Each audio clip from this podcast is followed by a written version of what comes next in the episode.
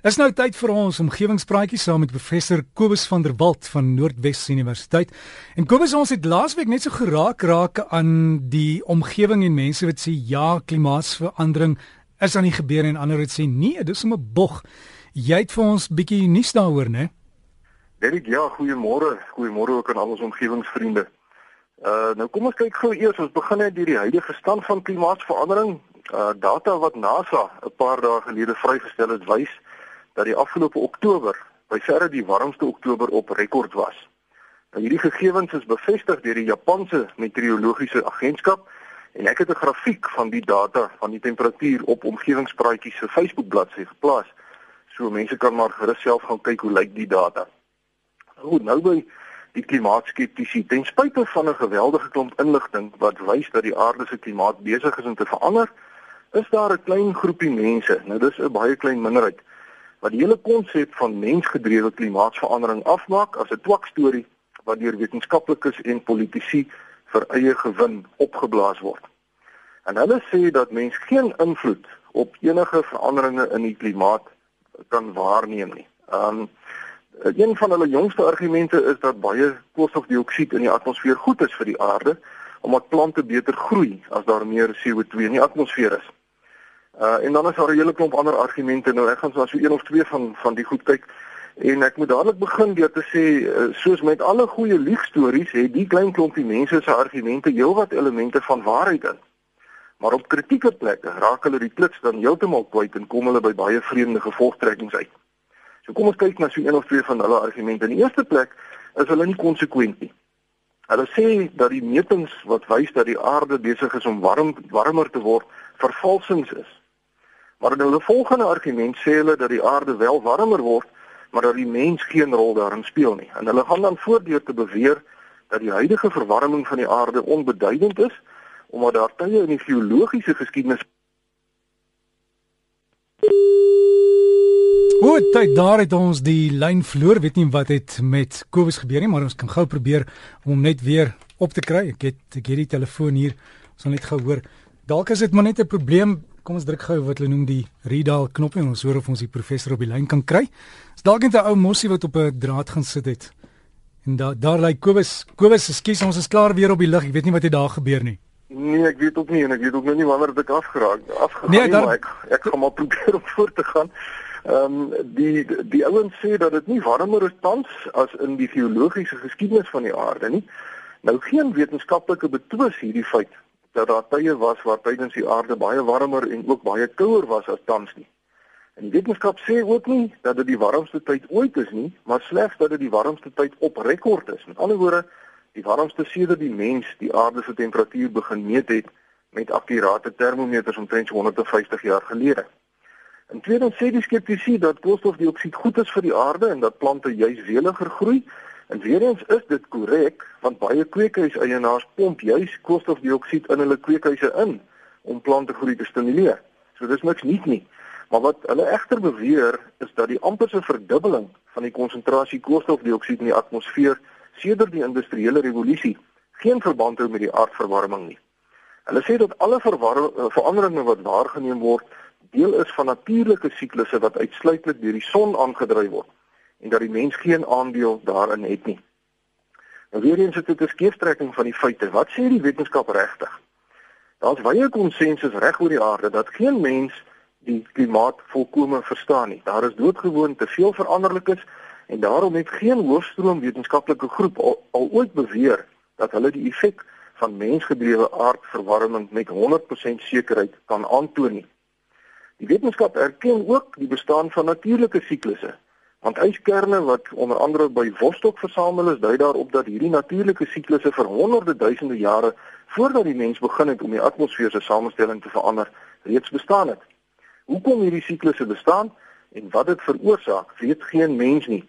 En die wetenskap sê daarom glad nie dat klimaatsverandering deur die mens alleen veroorsaak word nie, maar dat dit lyk asof die mens se aktiwiteite vir so omtrent tussen 16 en 25% van die waargenome verandering veranderinge verantwoordelik is. Met ander woorde, 3 kwart van die klimaatsveranderinge wat ons sien op aarde word deur iets anders veroorsaak en niemand weet presies wat dit is nie. Die skeptisie het 'n hele klomp ander argumente, maar daar's nou nie vanoggend tyd om hulle almal te behandel nie. Maar dit weet jy die hele gestryery oor wie nou reg is is vir my 'n mors van tyd. Dis soos twee mense wat in 'n tol staan en hulle sien daar kom 'n lig aan en nou stry hulle of dit 'n trein of 'n vragmotor is wat daar aankom. Dis irrelevant wie reg is. Want of die mense nou vir 10% of 80% van klimaatsverandering verantwoordelik is, maak nie saak nie. Die feit is die klimaat van die aarde is besig om te verander en dit word gemeet, dis nie gemodelleer nie. En uh, ons moet natuurlik dan in die eerste plek probeer doen wat ons kan om dit te te werk. En as ons nou klimaatsverandering nie kan keer nie, dan moet ons ons bes doen om by hierdie veranderinge aan te pas. En daarvoor gaan energie nodig wees.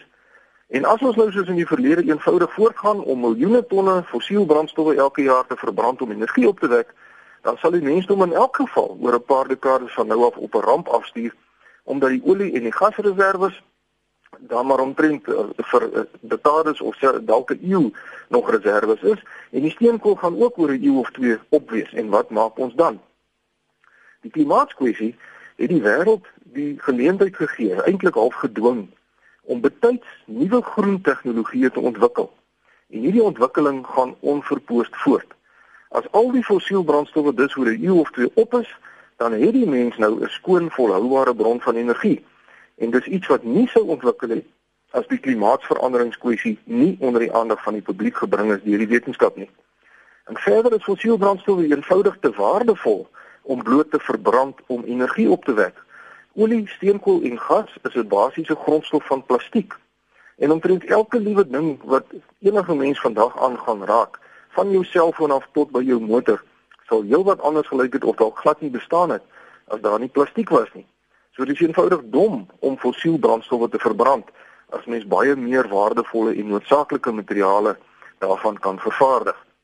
Energie kan ons gratis van die son af kry en dis net 'n kwessie van tyd voordat energiebergingsstelsels die mensdom in staat gaan stel om hernubare energie te stoor vir wanneer die wind nie waai of die son nie skyn nie.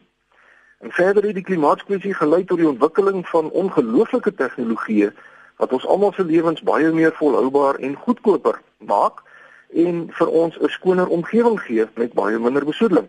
Vergelyk byvoorbeeld die motors van net so 10, 20, 30, 50 jaar gelede se brandstofverbruik met hedendaagse motors se.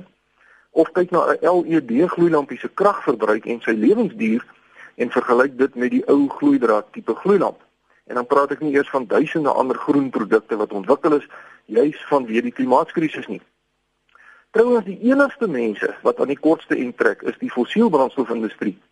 En wat my nou omkrap van die paar skeptici wat sê dat mensgedrewe klimaatsverandering nonsens is en dat ons die wêreld se fossielbrandstowwe moet aanhou verbrand asof daar geen probleem is nie, is dat hulle die hoofstroom wetenskap verdag probeer maak deur te beweer dat al die honderde duisende wetenskaplikes wat reg oor die wêreld oor hierdie saak navorsing doen oneerlik en oneties is deur blaatant vir die mense om te lieg net om meer navorsingsgeld te kry sodat hulle hulle loopbane daardeur kan bevorder. Nou as mense sulke twak begin kwytraak, dan wys dit vir my dat hulle argumente so vol gate is dat dit vir hulle nodig is om te daal tot op die vlak van die belaglike. En hierdie paar mense se rekord is ook nie onbesproke nie. Een van hulle wat tans in Suid-Afrika baie geraas maak oor klimaatsverandering, is dieselfde ou wat so 20 jaar gelede heftig gesê het dat die gat in die ozonlaag nonsens was. En ons weet vandag almal dat dit nie die geval was nie en dat die hele mensdom in gevaar was as ons nie oorgeskakel het na meer omgewingsvriendelike gasse nie dan sou die aarde vandag baie anders gelyk het. Nou ek sluit af hierdie met die volgende gedagte. Ek dink 'n bietjie daaraan. As die hoofstroom wetenskap, met ander woorde die mense wat sê die mens se aktiwiteite het wel 'n invloed op op aardverwarming en klimaatsverandering. Nou as die hoofstroom wetenskap oor 100 jaar van nou af besef dat hulle toe al die tyd verkeerd was en dat die mens toe nooit klimaatsverandering veroorsaak het nie, is al wat gaan gebeur dat ons ons nageslag met 'n baie skoner, volhoubare omgewing gaan nalat. Maar as die klompie skeptisie hulle sin kry en ons begin môre weer om olie, gas en steenkool te verbrand asof daar geen probleem is nie en dit blyk oor 100 jaar van nou af dat hulle toe al die tyd verkeerd was, dan gaan ons 'n onbewoonbare aarde vir ons nageslag nalat.